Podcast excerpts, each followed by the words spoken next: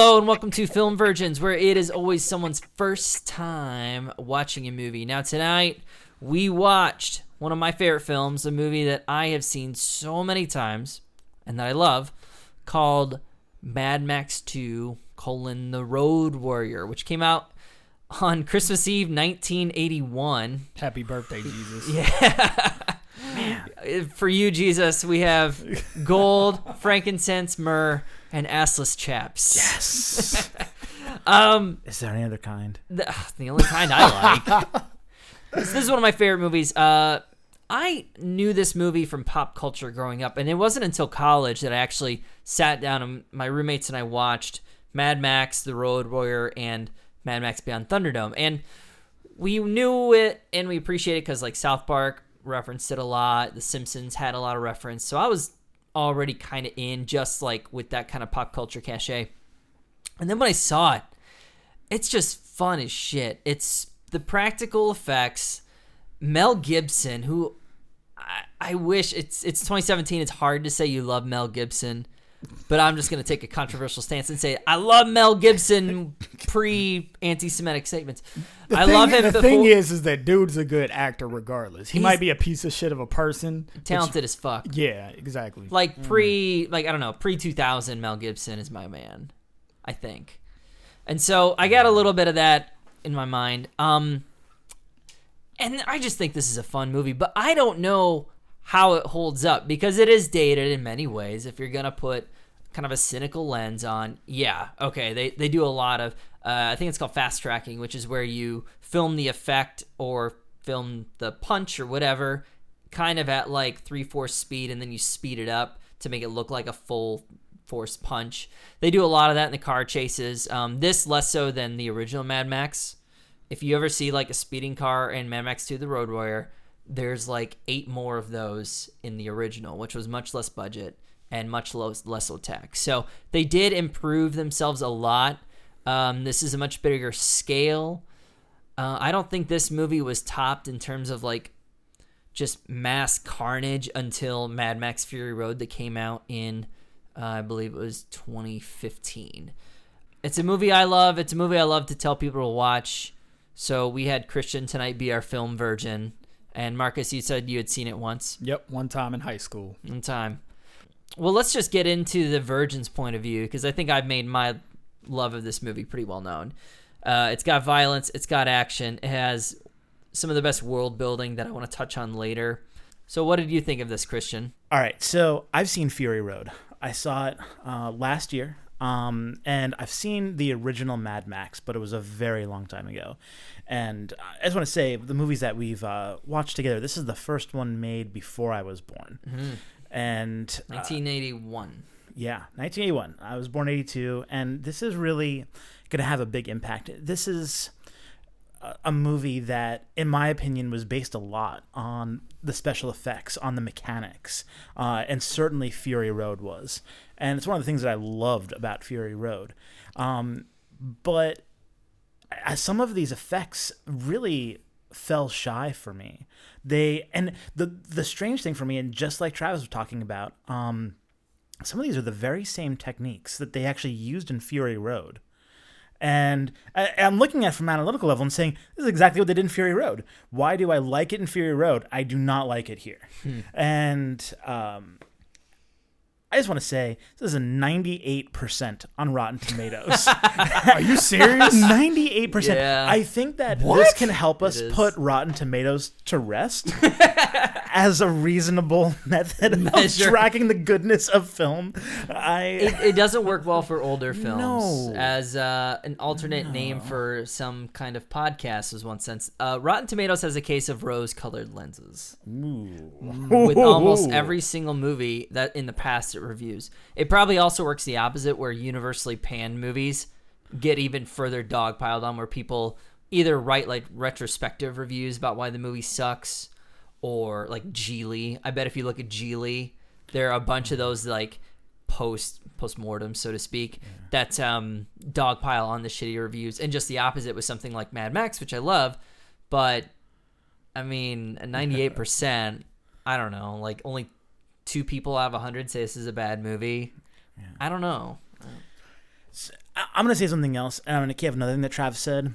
Um, one thing that is really masterful about this film is it is the environment, it's the world that was created. Uh, leading up to this, I was inspired to play Borderlands. I broke it open for the first time in a year last night, and uh, to be able to create a franchise like that in Mad Max and then spawn off sub franchises or homage franchises, um, that's something. It means that you've built something special. I think that there's a lot there, uh, and whatever criticism I have of the film should not overshadow that. That's really an achievement, and that um, my love of Fury Road is also a testament to the greatness of of the world. Um, but there were other aspects, uh, and both Marcus and Travis told me this leading up to it. The soundtrack is dog shit. it is absolutely awful. I, it's mind numbing. Uh, from the blatant copies of the Star Wars soundtrack, which forgive me, I don't like either. and and just Pissed off half the internet with that statement. yes i'm okay with it and i i didn't i didn't like and I and it, the irony here is that they went with this purely orchestral soundtrack. I think probably with that expectation, as all filmmakers do, that they're going to make something timeless, and yet it's anything but. Right, uh, and in contrast, Fury Road, and this is one major difference, completely abandoned that. They said, "No, we're, we're not going to do orchestral. We're going to do, we're going to put some really weird looking guy on the front of a car with a big guitar and a whole bunch of speakers, and it's going to be rock, and we don't care." He had a flamethrower too, like He had a coming out of the flamethrower. guitar. Yeah. it This was is, pretty awesome. This is filmmaking, and I, and I, you know, and I wonder if that's a reaction. If Miller, uh, so the director, um, Uh, George Miller, the director. yeah, yeah, um, and the writer um, of both Fury Road and Road Warrior, um, if you know, he said, "Man, it didn't work," and maybe corrected it. I don't know, um, but it didn't work, and. Uh, you know, I think there were other parts of it too that um, some of the acting was genuinely atrocious. Um, Mel Gibson was solid; he really was great, um, but he doesn't do that much. You know, this is who he is. He just plays Mel Gibson. He's basically the same guy he is in Lethal Weapon, which is a great guy. He's got a lot less personality. He's more of like a blank canvas Yeah. versus like um uh, Murtaugh is Danny Glover's character. I can't remember his name in uh, Yeah. Lethal Weapon, but um I think he's, you know, less personality, but it's it's hard to shake off. He's not a character actor Yeah. in any sense of the word. So I, I see what you're saying. and you know and it's a bare bones story and that's okay that's uh you know i think even in rotten tomatoes some of the reviews that i was reading everyone said this i think ebert said it there's nothing to the story the plot has uh, you can sum it up in in 30 seconds in fact let me sum it up in 30 seconds Please do. So Max is a road warrior, you know, driving the barren wasteland looking for gas, post apocalypse Australia or some shit. Somewhere. and he stumbles upon a crazy guy that tells him stories of in- infinite amounts of gas. So he goes to a little shanty town, uh, and that has well, they have an oil rig, and uh, they're being terrorized by a whole bunch of pretty eccentric hooligans. That's a, that's a really good description. That is the biggest understatement we've ever had on this podcast. Eccentric hooligans. I feel like it was somehow apt though. like it is and it isn't which at the same time if you've ever seen this movie lord humongous is nothing but is is everything but an eccentric hooligan but at the same time Yeah, he's a fan of the ballyhoo. But but he's eccentric, and he definitely is up to no good. So i can't argue with it oh man i disagree with it but somehow i can't argue oh my god okay eccentric hooligans So Mad Max, in trade for for gas, helps them defend their colony and get a big oil rig, which is the first part of their master plan. And then, uh, you know, then he gets injured, and then he carries the rest of the master plan. I could ruin the entire film. Yeah, the you- film is officially spoiled now. I think you can. You can cut any It- of that that's too spoilery, but I, I um, feel like we haven't really spoiled anything with a plot that can't be spoiled. But whatever. This movie's 35 years old, 36 years old. Like I don't, I don't feel any. There's nothing about that. Okay, hold on. There's nothing wrong with things that are 35 year old Travis. Nothing No, wrong nothing- with 35 years Especially old. not good friends of mine sitting to my left. Nothing wrong with them at all. So yeah, so that's that's Road Warrior. Mm. No, that was a good. I think that's a very fair plot summary. Everything except for eccentric hooligans. I'm, I'm still not over that. this movie is spectacle. It's a large, big, simple, kind of dumb movie. but in its spectacle, in its brashness, in its nonsense, that's where it finds greatness. But Marcus, what do you what did you think? Um, so I knew what I was going into because, like I said before, I seen this movie once. Um, before we watched the movie, the only thing that I remembered saying was, you know, it's like desert and, you know, the the the typical thing that you think iconically when you think of like post-apocalyptic sort of a desert punk scene. Um, then I also said the only other thing I remembered is uh, my favorite character, who is Monkey Kid. He's not actually called Monkey Kid. He's credited as Feral Kid, but I like to call He's him quite feral. Monkey Kid. There's this kid in the village that nobody bothered giving a name. Like obviously he's integrated into their society. Everybody just calls him boy, Or, And or, or teaching him how to talk, or how to teaching how to read, talk, or anything. Like But somehow he is he is fucking kick ass with the boomerang. Oh, not just a boomerang, a metal ass boomerang that can decapitate fools or nibble at their fingers. or nibble at their fingers. their fingers. Yeah. Um. So yeah. So I didn't remember much, but watching the movie, I, I, I, at the end of it, I feel like um, I pro, I pretty much had the same feeling after watching it the first time. Like, what, what, what did I just watch? Um, it was incredibly entertaining. I would not say it's a. I was gonna say I don't think it's good, but I actually I don't know because by the end of the movie, you do kind of feel this sense of a story that was completely told that you understood for the most part and i was engaged the whole time so it's like i don't know if it's i think it would be unfair to say it's not good i think i don't want to say it's good because there are so many things bad in it and about it that um that yeah it's like no those things are good i'm i'm kind of surprised you guys are uh kind of on the Mel Gibson train in this one because Oh, I did yeah. not think he was awesome. Oh, I really oh didn't. man. Um, do- I do agree that he was not given much. I agree with that 100%. But I, th- you know what? Now that I think about it, one of you said he's not a character actor. Maybe that's what it was. It's me, Because yeah. when you have a character that basically the movie just kind of happens around, but it, that character is not necessarily the driver of the movie, you benefit from somebody who is a character actor, like um, Tom Hardy, who was in Fury Road, plays, who was who plays the same character. And yeah, sorry. who was effing amazing. He also plays um, Max Rockatansky or whatever his name is. Um, but like, so you when you have a character in that situation, you kind of depend more on their ability to act through body language and facial expression and like just these small non-verbal cues. And Tom Hardy's just like ridiculous at that. Like that's that's un- that's not debatable. I don't think Mel, I don't know if that's part of his core set of acting. So, do I think he was the most horrible person in the movie? Mm, not by a long shot. But um, to me, the best people in the movie were actually Gyro Man, who was who was um his his his self-proclaimed the self-proclaimed partner of Mel Gibson's character, um, who he just kind of happens upon, and then kind of just like tags along with him because there's a couple situations that uh, Max makes him do things for him. so then he's just like, "All right, okay, hanging out with you."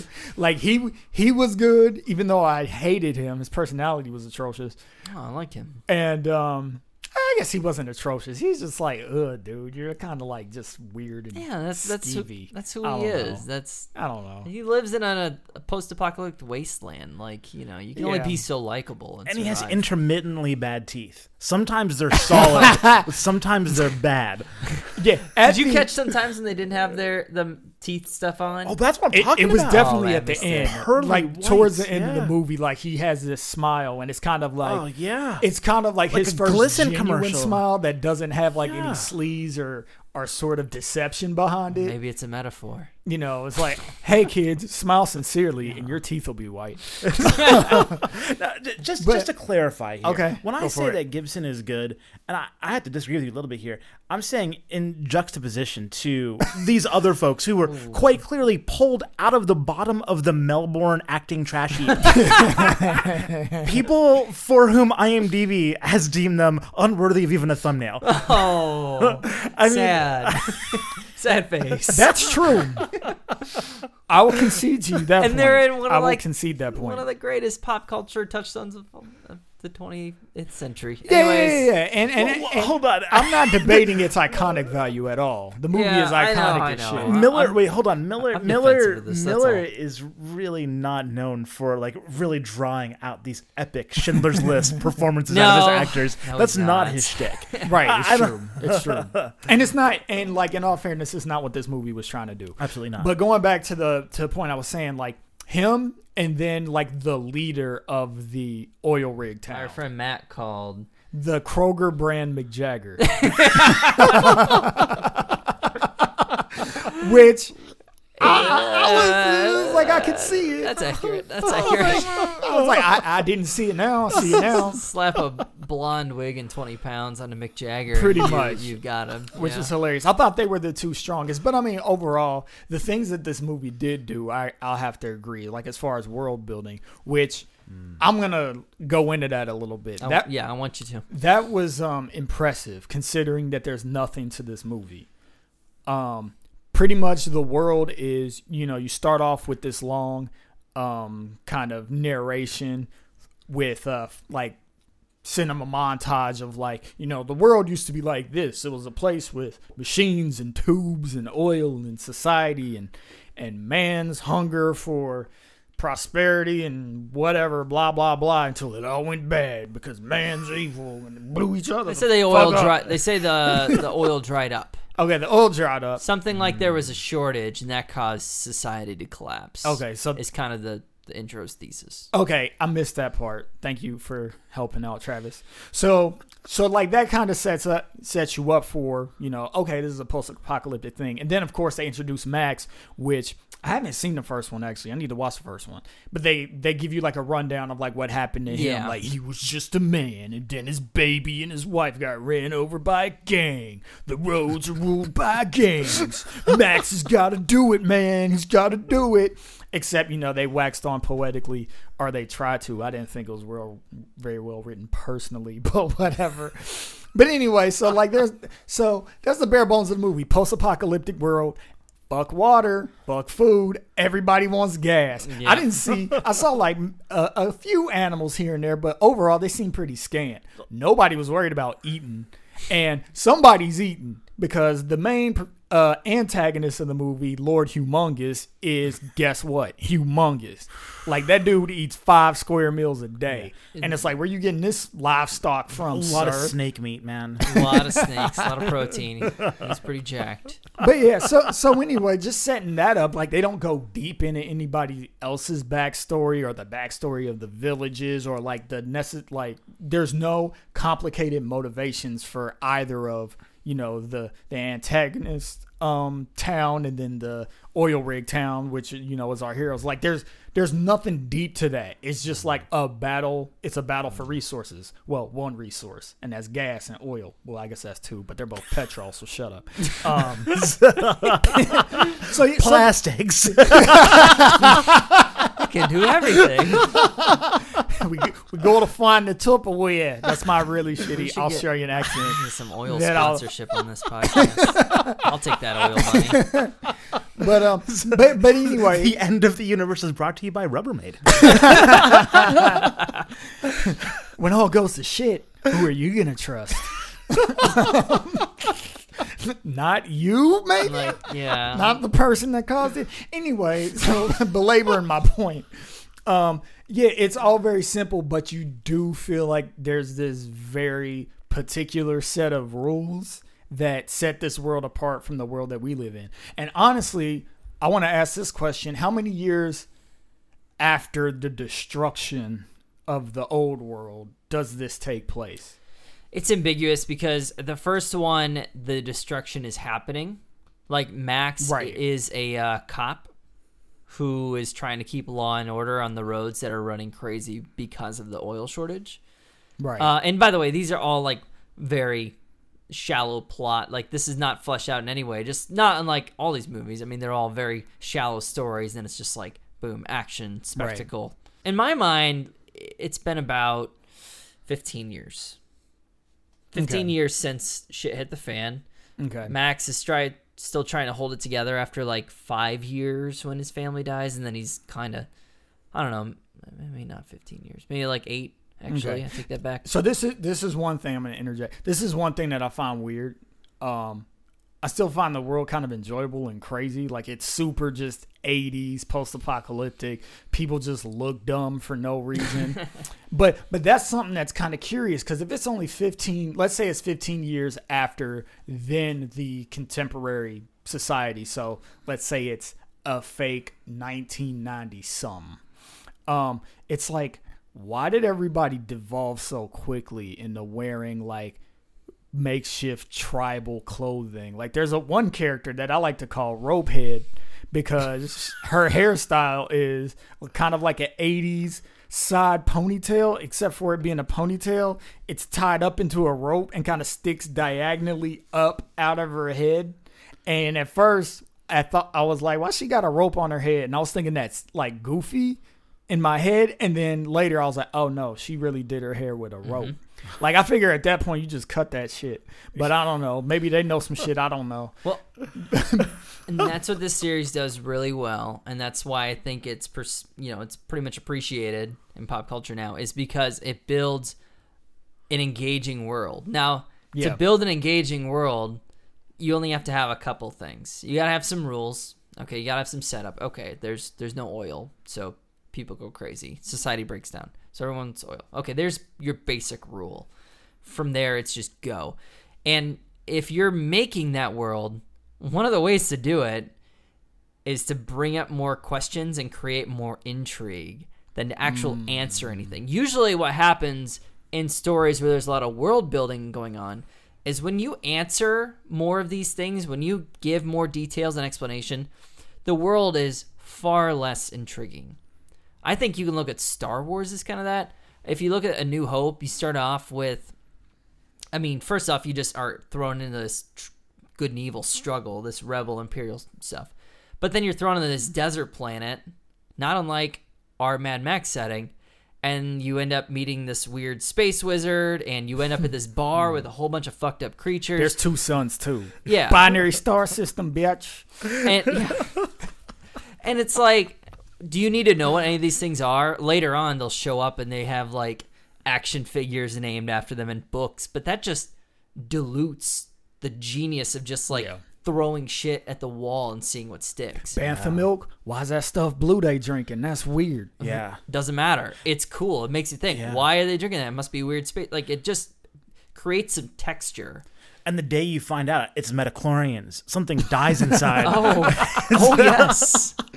I mean, even like yeah. I mean, I don't want to get into Star Wars too much, but yeah, the the more you explain things, the more you give unnecessary details and background, the more your world starts to break down. And here's here's where I have to commend um, George Miller on creating this franchise and sticking to it decades later in Fury Road. Like I was saying to some of my friends at work, Fury Road is basically an 80s movie not made in the 80s. Absolutely. Like he was just like, "Hey, this is the type of movie I make. I'm not gonna change the type of movie I make for it to be current. I'm just gonna take advantage of the technology that I have at my fingertips to just make it better." And it's like he knocked it out of the park. But I was but the point that I want to make actually is it's interesting that he did it so well because we are in this age where, you know, the movies that we kind of love to throw ourselves into the most, especially when you're talking about fantasy scenario. Um, not even just movies, but TV shows. Like I'm thinking Game of Thrones. Like there's just information and information and information in Game of Thrones, and that's part of the reason why I personally love it, just because the world is so intricate. But to like be able to still build a world just as interesting on the opposite end is really cool. And I feel like a movie that came out recently that completely failed at this was Dark Tower, which mm. was a bomb. And it actually wasn't a bad movie as much as it was just like lukewarm water. It, it just kind of happened and it was just like, oh, okay. Part of the reason that was was they started building a world that seemed like it was going to be interesting, but it wasn't like a Mad Max world where you don't need to know anything. It was more like a Game of Thrones world where it's like, we actually need to know what you're talking about because the thing that you're talking about is driving the story in particular. So mm-hmm. it's interesting that, like, I, I watched that movie and I saw it fail so bad at building a world that had all this potential, and Mad Max just kind of builds this interesting world and doesn't tell you anything. And it's just kind of like, I, I think it's an interesting comparison. Yeah, your brain fills in the blanks. You start to wonder, like, Yeah. okay, and create your own explanations. And that's fine because these things don't matter. It doesn't matter why is this guy wearing assless chaps. it's paint on the wall. Like when you ask your friend, like, why'd you paint that color? Why'd you pick this drywall texture? It's like, "Oh, I liked it. It, ma- filled out the room. That's all that matters. It doesn't always have a purpose. Look, in post apocalyptic desert, sometimes you got to wear assless chaps. That's what happens. Gotta it's stay hot. I like my ass cool.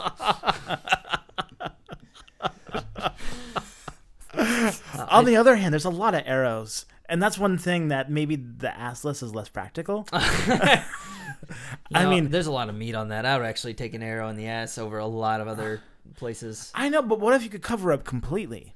Wouldn't that even be better? All right, quick, quick, quick, Batman uh, Oh God! detour. All right, so in the Dark Knight comic book, which everyone should read, uh, he's got the giant like yellow crest, like the Michael Keaton era Batman symbol right here. And actually, Frank He- Miller goes. Travis is pointing to his chest. He's pointing to his chest. Yeah, that's what I'm doing. Um, Frank Miller, the writer, actually goes out of his way to say, like, give Batman inner monologue, like, why do you wear this stupid bright yellow chest?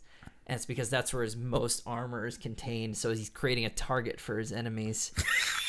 so that's what the guy with the assless chaps is doing. Is he's creating a target Hold for all the arrows that are in Mad, the Mad Max Are you talking about the Dark Knight Returns? The Dark Knight Returns? Did I say Dark Yeah. Knight Rises? No, you said Dark Knight, Okay, Dark Knight and it's not yellow. Uh, it is for part of it. It is for. Oh, it is. yeah, Okay. he's got a couple costume changes. Sorry, I don't know why I'm arguing with like the Batman expert over here. Like I Uh, know some I'm shit. far from it, but yes, I I, I know more than you. Uh, all right, so anyways, that's my assless chap argument. I, I was thinking of the train day argument. He shot me in my ass.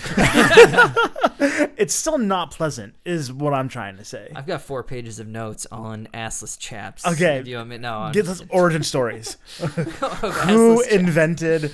No. I wish. so what I'm struggling to think right now, and I'm, you know, I think this might be a symptom of me not being well read and well watched enough on pre 1980 stuff. But w- can you guys think off the top of your head of any visions of the post apocalypse from before Mad Max? Um, I would just think zombie era would probably be the most prolific, right? yeah, I mean, you've got the Romero stuff, which is late '70s, leading into this. I, you know, and I, I asked this question because I'm just curious to see like, is this groundbreaking that it, is some of our thought about the post-apocalypse maybe uh, inspired a little bit by Mad Max, hmm. or did he get it from somewhere else? What about 1970s? 1970s. Okay. And I'm wondering, I'm just trying to figure out if they predate Mad Max. What Yeah. kind of informed it?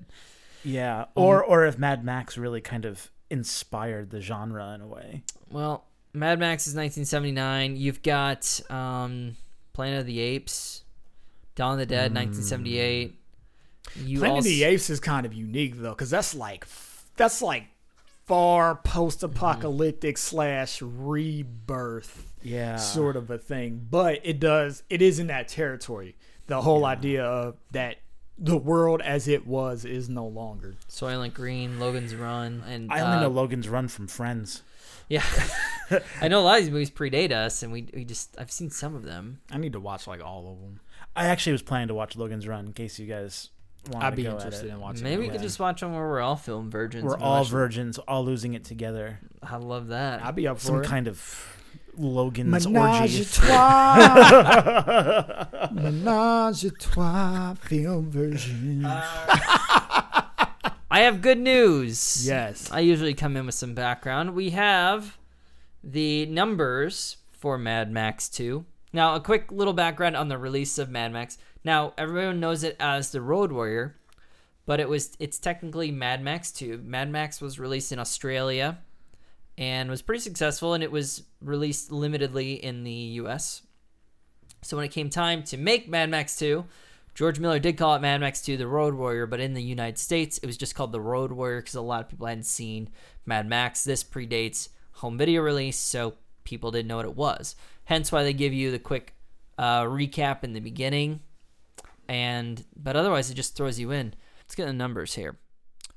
When it had a budget of 4.5 million, which I did the 2017 calculations is about 14 million dollars. It grossed in the 80s 35 million in Australia and US, Canada, and which today is 104 million. So, a very successful movie.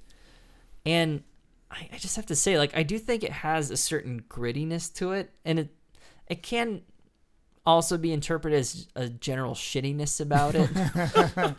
A terms of- lack in production. yeah, a, the the lack of production also like gives it this like I don't know when people get shot with arrows like I feel it, Yeah. and when people get run over by cars in this movie I feel it. Yeah. It And- was it was very raw. I feel like I feel like there were a lot of moments where you're watching the movie and you're kind of like, oh, that's how that would probably read in real life. I remember in the uh, final chase slash battle scene where you have the guy he's uh he's paraplegic right Yeah, so it's like the engineer he's a guy mechanic. Yeah, He's on top of the prize vehicle, which is a tanker that is um, ostensibly filled with the juice, aka gasoline. Um, he sees one of his comrades fall. He goes to try to help her, and then eventually just kind of falls off the tanker. Well, there's a bunch of other cars around that vehicle too. And so not only does he fall off the tank tanker at high speed into the asphalt, um, one of the cars behind him rolls over him. And there's no focus on that scene necessarily. There's no added sound effects. There's no scream. You just see him go under Yeah. in the midst of all of the mayhem, and just, you're just, just, a little like, like, ba-boom. yeah, and you're just like, oh, I think we that- all collectively did one that of those. Yeah. that happened. That and and it was kind of yeah. funny too because this guy just drew a lot of attention to himself anyway. In in moments prior, he was trying to pat a fire off of his leg with gloves that were uh, soaked in the juice, and then those went on fire, and he spent like another two minutes not knowing what to do. Yeah. It's like, it's okay. It's okay. I'm good. I'm good. My hands are on fire. My pants are on fire, but I can't feel my legs. So it's okay. now, this is in contrast to the blood curdling screams when our road warrior absconds with someone's coital tent. yeah, Coital tent. dude. Christian's just dropping them tonight, man. Dude, he's all over it. It's great. to elaborate, in another kind of chase sequence, the uh, the antagonist troop, if you will, Tribe. Yeah. tribe, whatever, cohort, um, they're they're mobilizing because you know they need to, and in the middle of the mobilizing, they're somebody drives away and they drive past the tent. They snag the tent, I guess. It flies off and two people are banging, and they're like, "Oh!"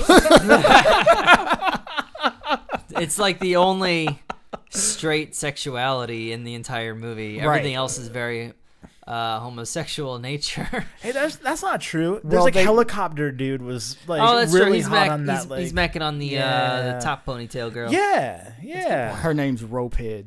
yeah. oh, okay. So what do you call that dude? The fly, the helicopter dude. What do Gyro him? guy. Gyro guy. Okay, I like that. Okay.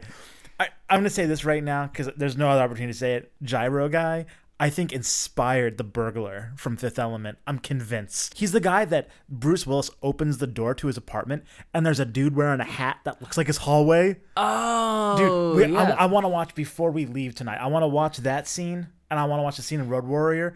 I, I am convinced it inspired it. It's close. convinced. Wouldn't surprise me. It's really, really close. Just how he's like tweaking out Yeah. super hard. Yeah, and And it's, I- you know, I, I really think that, I, I think Luc Besson took it. A couple interesting facts. Um, so I, I I always thought like Mel Gibson is American, but he shows up in this early Australian work.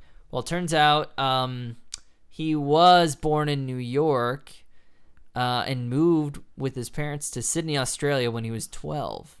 So he actually grew up in Australia. That's why he kind of has like an American feel. But his parents are American. they moved. They his whole family moved to Australia. But yeah, but they're American, and then they moved. Aus- like they Yeah. weren't Australian. Decided to move back. From what I understand, yeah. Okay. Um, Oh wow, yeah. I thought he was just straight up Aussie. I did too for a while, but I just couldn't. I was like, man, why does he translate so well to, like, he was the man's man in American film for like Yeah. 20 years straight. To his credit, though, dude can basically just do any English speaking accent you want him to. Like he's ridiculous. He's just one of those guys Yeah. that can do accents ridiculously well. Another little interesting tidbit from Mad Max is that George Miller was given the rights to this to Mad Max and Mad Max Beyond Thunderdome. Sorry, uh, the Road Warrior and Beyond Thunderdome to get him to step aside as director of Contact. What? Yeah, so George Miller was going to direct the movie Contact, which has Jodie Foster and Matthew McConaughey. It's directed by Zemeckis, I thought Contact came out much later. 1997. Yeah, Ooh. so I think it was in development for a long time because, um, or it was just this might have happened in the 90s, and they basically bribed him. They were like, "Uh, we want you somebody else to do this movie. We don't like your vision for this." So, in return for you to step aside, you can have the rights back to um, the Road Warrior and Thunderdome. Really? Yeah, so he didn't own them. I guess I haven't really seen anything that he's done outside of Mad Max, but Contact would not have been the same with like nipple rings. and- uh, I just, Assless chaps. yeah, it doesn't seem And like the and right. and a uh, movie where the score was more prevalent than the dialogue. Actually, that's Contact. so, so Marcus, What's up? Road Warrior, would Yeah. you give it the 98 or would you go lower like 97? Uh, thi- it's not fair, dude. It's not fair because I can so see that this movie, I could see this movie being a big deal in 1981. I really could. As far as like a movie that, if they would have built it properly, which is just to build it exactly like uh, Fury Road was built, I could see it being big shit because there was a lot of intricate um, filming that took place. I won't necessarily say that cinematography itself was um very impressive, but just all of the moving parts and like all of the stunts with the cars, like they're like for real totaling cars. There's and then there's the um 55 second explosion scene of the oil rig. I love that. the, the, the trap they lay like it explodes and then it explodes some more and then a different part of the town explodes. And then i swear to you there's at one point the explosion explodes. I promise. I'm not making this shit up. Like it was like slow motion of the explosion and then it exploded more. Like the ex- actual explosion moves. It's great. like it was ridiculous. But it's like one of those scenes that you have when you're seeing some kind of meta, like a documentary in filmmaking, where it's like, all right, we've got one go at this. if this doesn't go right, we're gonna have to cancel the movie or double the budget. yeah.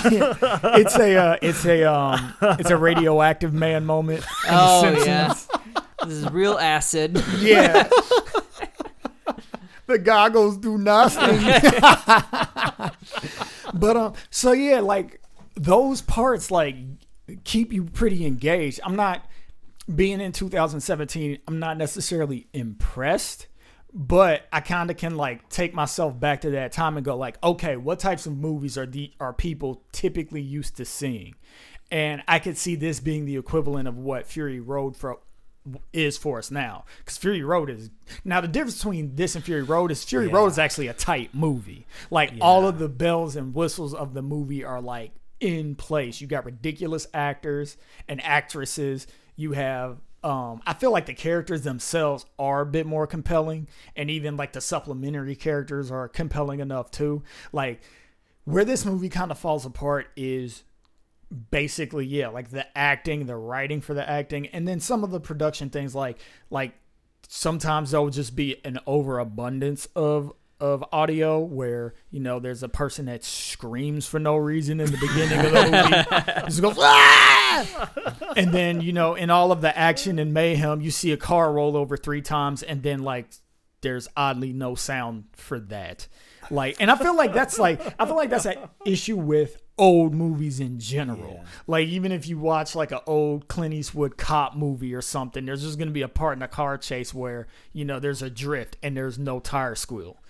And you don't really know why. I don't understand how movies are made really especially back then. So it's kind of like mm. Yeah. so it's it's at 98. No, I don't know what I'd give it though, because I enjoyed watching it, but there's a lot of it that's just, uh, I, I it's that's not great. It's it's not great. And okay, okay, I gotta I gotta cite Rotten Tomatoes since we're talking about it. Well, we should also just I understand what the argument is, but let's also state that that's just a aggregate score of people who said, "Yeah, it's fine."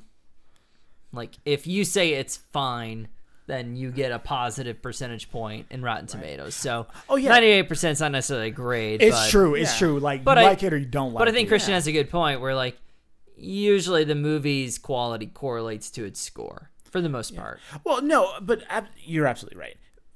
Rotten Tomatoes is a metric of most acceptability, right? Or least unacceptability, right? Because if you can get a movie that no one particularly loves or think really challenged them, but if no one hated it, that's 100%. Mm. That's chicken Most- it's rotten. it's true, but, Pixar but the stuff thing is that. I the think. thing that's I like weird Pixar, but- the thing that's weird though is even even though that is all valid and very true i can't imagine 2% of people like critics not not not people because we're just talking about the critics right now like people who gave like 60% of critics liked book of eli. Yeah. that's ridiculous to me. That is that's that's heresy. That's blasphemy. That movie seen is it. the movie you haven't? No, I'm a virgin. oh we're watching Book of we I feel like we generated like four new episodes. We really did. know. This is a this testament. one podcast. This is a testament, though, to the merits of this movie, because there are so many like branching off points that you can like you can cite this thing or you can cite, mm-hmm. and the whole reason I'm citing Book of Eli is because post-apocalyptic. Yeah. To cite Rotten Tomatoes, the consensus is The Road Warrior is everything a big budgeted Mad Max sequel should be. Bigger, faster, louder, but definitely not dumber. I didn't see the first one, but there was a lot dumb about this movie. A lot of the people were effing dumb in this movie. Like the the the gap between competency and just ineptitude was ridiculous. Like, so you have one scene where this is dude driving in his car, and he has I don't even this spear thing. It is the like raddest shit ever. It's got like three prongs to it. Look like somebody had to like spend forty five days to like Humungus. shape it. It's just like oh, like what? So he's driving his old jalopy, and then like the the leader of the protagonist's village is in his car. This dude throws it while he's driving, and like it catches dude in the back, uh, the protagonist guy. Why is that stupid? Because the way that the protagonist's car is is like his back isn't even exposed. Like a large part of the car, like he's not even visible from where he's sitting. And this dude, like while he was driving, one handed, like through this perfect arc from a moving vehicle to another moving vehicle and just caught this dude in the back and killed him. One shot kill. Dude was instantly dead. So it was just like, man, you've been training in the Super War Academy or something. I don't know. But then in another scene, you got this guy that's driving next to the tanker, the coveted tanker, and uh, his sergeant or whatever, even if they even have ranks, he goes like, shoot the tire, shoot the tire. You're like, that's a fair enough assessment of the situation. You got a bunch of arrows, lots of projectiles going around. So this dude's all nervous. You're like, what's he nervous about? He's about like one foot away, sticks his arm out to shoot the crossbow bolt, and then his arm gets caught in the wheel, and then him and his car get run over by the thing. The whole point of shooting a thing is that it's a projectile and you create distance. That's where your advantage is. Why are you this dumb? You have a dude on your team that can spear people blindfolded in a car. And you are like, oh, I guess I gotta touch the tire of this truck to shoot it. Idiot. Yeah, the antagonists do some incredibly stupid, crazy things. what I think makes uh, I love how Fury Road justifies such acts is they put the spray they get high on spray paint. Yeah. they chrome their faces up, and that's why they do And that- stupid, crazy shit. And Again- they tie it to like a cult, so you always have this like religious fanaticism. There's a whole 10 minutes. kamikaze air to it. that logic is lacking in this movie. As much as I love it, it's a fair criticism. I want to hear some numbers. I want to hear some more numbers. Number me, man. All right, uh, I have the top grossing movie in 1981, which was not Mad Max. Heresy. Uh, it is Raiders of the Lost Ark. Came out in 1981. yeah. And On Golden Pond. Oh, What is that? I've heard of it. I have I don't know no idea what that is. is. And uh, Superman 2 came out in 1981. And it's my recommendation time. It's it's time for recommendations. Oh shit. I mean, I love this movie. I've seen this movie a bunch of times. It's a cultural touchstone. If you've seen, I mean, if you've seen a lot of movies, if you've seen a lot of TV shows, and there's some kind of like weird Mohawk guy and assless chaps, or like some kind of weird vehicle, chances are you have Mad Max to thank for it. And particularly the Road Warrior, which is the best in the series, sans Fury Road. So best of the original trilogy. Uh, it catapulted the career of Mel Gibson, who went on to do some really, really great films. And um, I think it's a really fun movie. It's gritty as hell. It's dirty. You almost feel like it's not the dirtiest movie of the 80s. I have an answer to that. But you do kind of want to take a shower at the end of this movie for some reason. I don't know what it is, but it does have that. And you feel so much in this movie. When people get caught in the tires of a truck, you cringe. When people get shot with an arrow or harpoon, you feel it. It's pure spectacle, it's little substance, but it's high level world building. And that's why it's so impactful. And I think that's why it's a great movie. I think everyone should watch this. I would recommend this to anybody who's of an adult age. Um, I think you should watch it, if only to educate yourself on where we get a lot of our pop culture post apocalyptic obsession today. A lot of it comes from Mad Max The Road Warrior. I would recommend this film, and it's actually I'm this is gonna be really long. I'm gonna go on forever right now. So Good. so I, I really love Fury Road. It's a, a century explosion. That's why I love it. It's a great film, and um, this was not, and that's not necessarily a criticism. There were other things to like about it, um, but I think that for someone, and this is to the point of recommendation, I would absolutely recommend this to someone who really loved Fury Road Yeah, because they loved the universe and not because they were looking for something that was a sensory explosion, right? If they were communicating to me that like, man, I just like I like the universe, I like the characters, I like that style, and I'd say Road Warrior, dig it, right? Um, so, and I would also say, um, I said it before, for a fan of Borderlands, this is essential, essential watching, essential, um, and I think, and even uh, our talk about um, post-apocalypse, right? For any fan of that genre, right? Uh, and I'm not necessarily talking zombies here. Zombies are kind of a weird deus ex machina for the apocalypse, but for something that was maybe given just a modicum of thought, right? Uh, this is of interest, right? It's an interesting take on that on that universe, on the death of civilization. So those are my recommendations.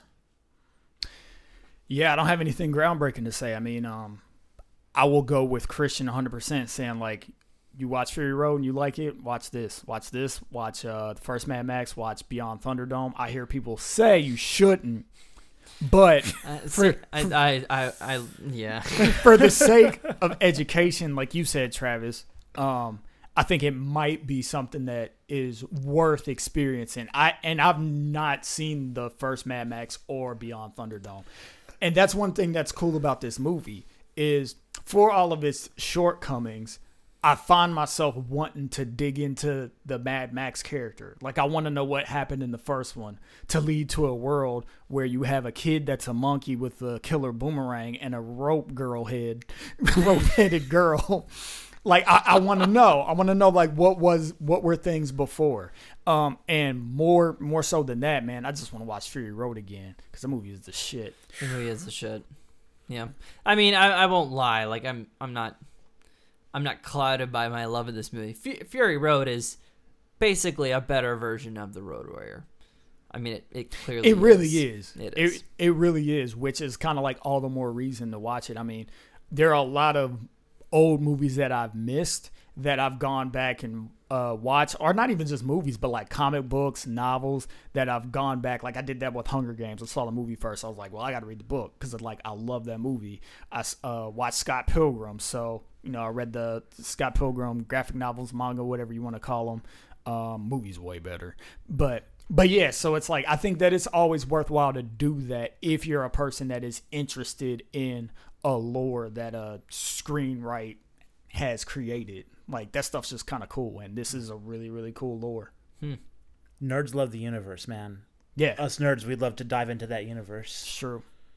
Yeah, what and it, it, it does seem like there is more potential for story, and I'm sure there have been books or comic books or something. But the point is, it's a world that inspires more detail and more exploration, and that's as like kind of a nerd, kind of a sci-fi junkie. Like that's what I like out of my media, and I like things that inspire other media. And this Yeah, movie sure. inspires a ton. Thanks for listening. Subscribe and look for our next episode next week. Yeah.